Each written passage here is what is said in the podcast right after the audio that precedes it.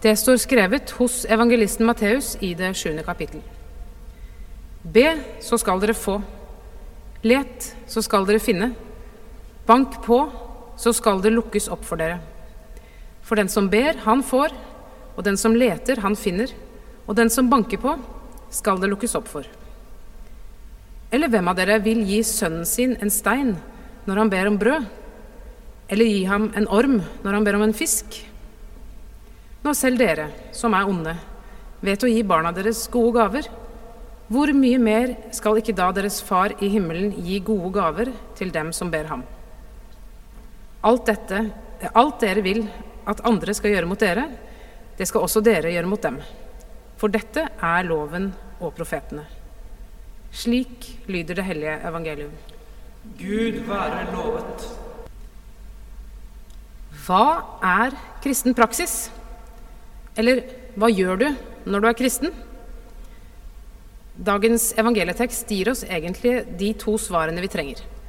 En kristen ber og gjør det som er godt for andre. Be og arbeid. Det er et kortfattet program for kristenlivet. Jesus ber oss om å be, og det er ikke vanskelig å se fordeler med å be. Å be minner oss om den verden som er rundt oss, og hva den trenger. Å be bringer vårt eget selv framfor oss, våre dypeste begjær og drømmer. For overfor Gud nytter det ikke å skjule noe. Å be er en omsorgstjeneste for andre og for en selv. Det er også en tilbedelse av den Gud som ga oss livet, og fortsetter å skape det for oss dag etter dag. Bønn er dypt menneskelig. Det fins i alle religioner. Også ikke-troende kan ta seg i å be når det blir presset nok. Bønnen kan være sterkere enn troen. Alt dette er godt og sant. En kristen ber, og det er godt å be. Men disse tingene tilhører alle den menneskelige sida av bønnen. De handler om hva som skjer i oss og med oss når vi ber. Hva bønn er nedenfra sett, menneskelig sett. Det blir langt vanskeligere å snakke overbevisende om bønn når vi leser dagens tekst en gang til og ser hva Jesus sier i tillegg til at vi skal be. Han sier bet, be, let og bank på, men han lover også noe på den andre sida av de handlingene. Han lover at vi skal få, at vi skal finne, at det skal bli lukket opp for oss.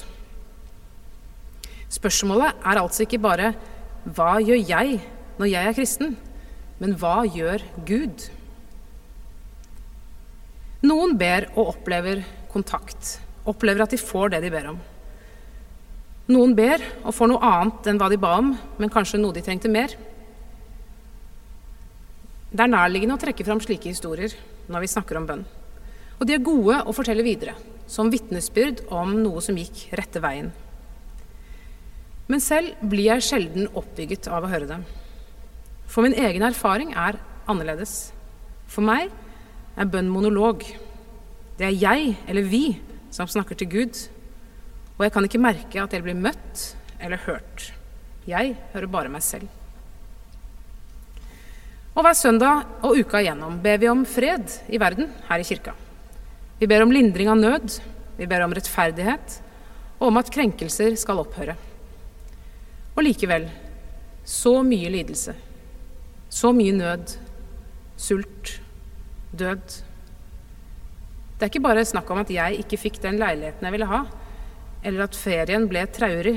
Det er snakk om bønnen om å berge liv, bli fri fra tærende sykdom, fri fra systematisk urettferdighet og misbruk. Om så mange bønner som aldri får det svaret de virkelig hadde trengt. Mot dette mørket klarer jeg ikke se vitnesbyrdene om bønnesvar som lyspunkter. Vi ber og ber, men får ikke øye på noe utfall.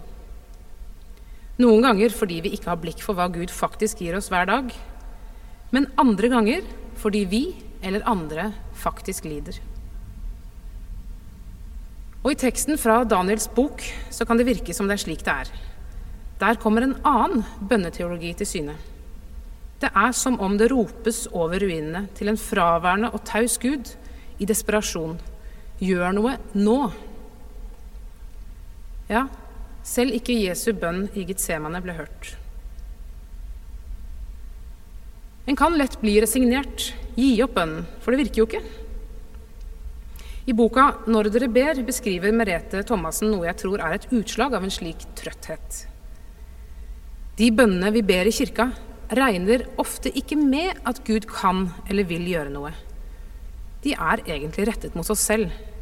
Vi sier ikke 'Gud, vi ber om fred', men 'Gud, legg til rette for gode prosesser, slik at vi kan skape fred'. Det er som om vi ikke tror at Gud kan eller vil gripe inn i verden. Det er riktig å ansvarliggjøre oss selv. Og andre del av dagens tekst handler om hvilket ansvar vi bærer som mennesker. Gjør mot andre det du vil at andre skal gjøre mot deg. Vi mennesker har faktisk kraft til å skape fred. Vi skal gjøre det som er godt. Samtidig er det noe i presis forstand håpløst ved bønner som sirkler om oss som handlende. De håper ikke lenger på Gud. Er de bønner, egentlig? Eller er de fromme formaninger til oss selv? For bønn begynner jo der etikken slutter, der handlekraften opphører, der fortvilelsen er brakt til det ytterste. Der er bønnen. Og da går håpet til Gud, fordi jeg og vi ikke kan. Bønnen og etikken kan ikke reduseres til én og samme ting. Hva skal vi så tro om bønnen? Vi kan velge å tro at Gud ikke hører oss, og at vi kanskje derfor må be mer, be på en annen måte, finne andre veier til Guds øre. Vi kan velge å tro at Gud hører oss, men ikke vil handle slik vi ber om. Og vi kan velge å tro at Gud hører oss, men ikke kan handle slik vi ber om. At Guds allmakt ikke fungerer på den måten. At Guds godhet ikke kan tvinge seg fram uten vår hjelp. Jeg har ingen klar teologisk løsning her. Det virker umulig å svare på hvorfor bønn ikke ser ut til å fungere slik Matteus legger opp til i prekenteksten alltid. Men jeg synes det er mer enn interessant at vi ber likevel. Selv om teologien ikke går opp, fortsetter mennesker å be. For bønnen er ikke et resultat av den riktige teologien. Vi ber ikke fordi vi forventer et bestemt utfall, fordi vi tror at vi med det legger riktig bestilling i riktig postkasse, men fordi det er det eneste vi kan. Bønnen er jo der uansett hva som skjer med bønnesvarene. Bønnen går forut for teologien. Teologien er etterpåklokskap eller etterpådumskap. Livet derimot, med både bønnen og etikken, er det første, det primære. For selv ateister ber, resignerte ber, lidende ber. Mine mest ærlige bønner er født av det dype behovet for ikke å være alene i verden. Født av desperasjon.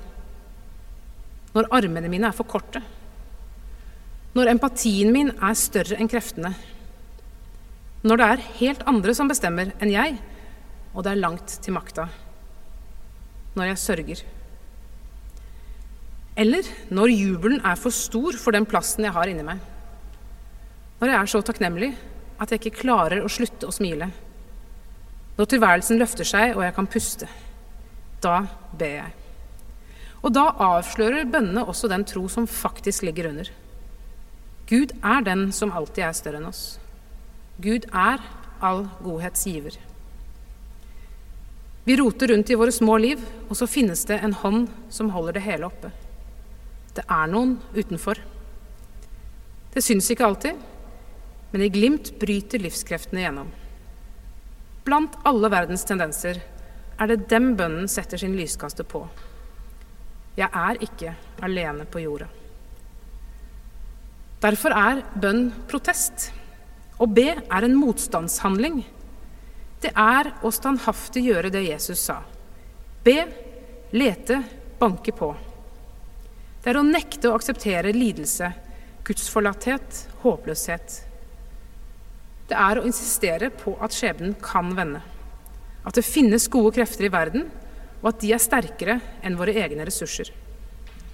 Det er fantasiens skapende seier over dystre realiteter. Derfor fortsetter jeg å skrive og be bønner. I utopisk trass nekter jeg å holde tilbake. Med Daniel holder jeg Gud ansvarlig, som den gode far som vil gi verden det vi trenger og vi ber om. Bet, be, let, bank på. Ære være Faderen og Sønnen og Den hellige ånd, som var, er og blir en sann Gud fra evighet og til evighet. Amen.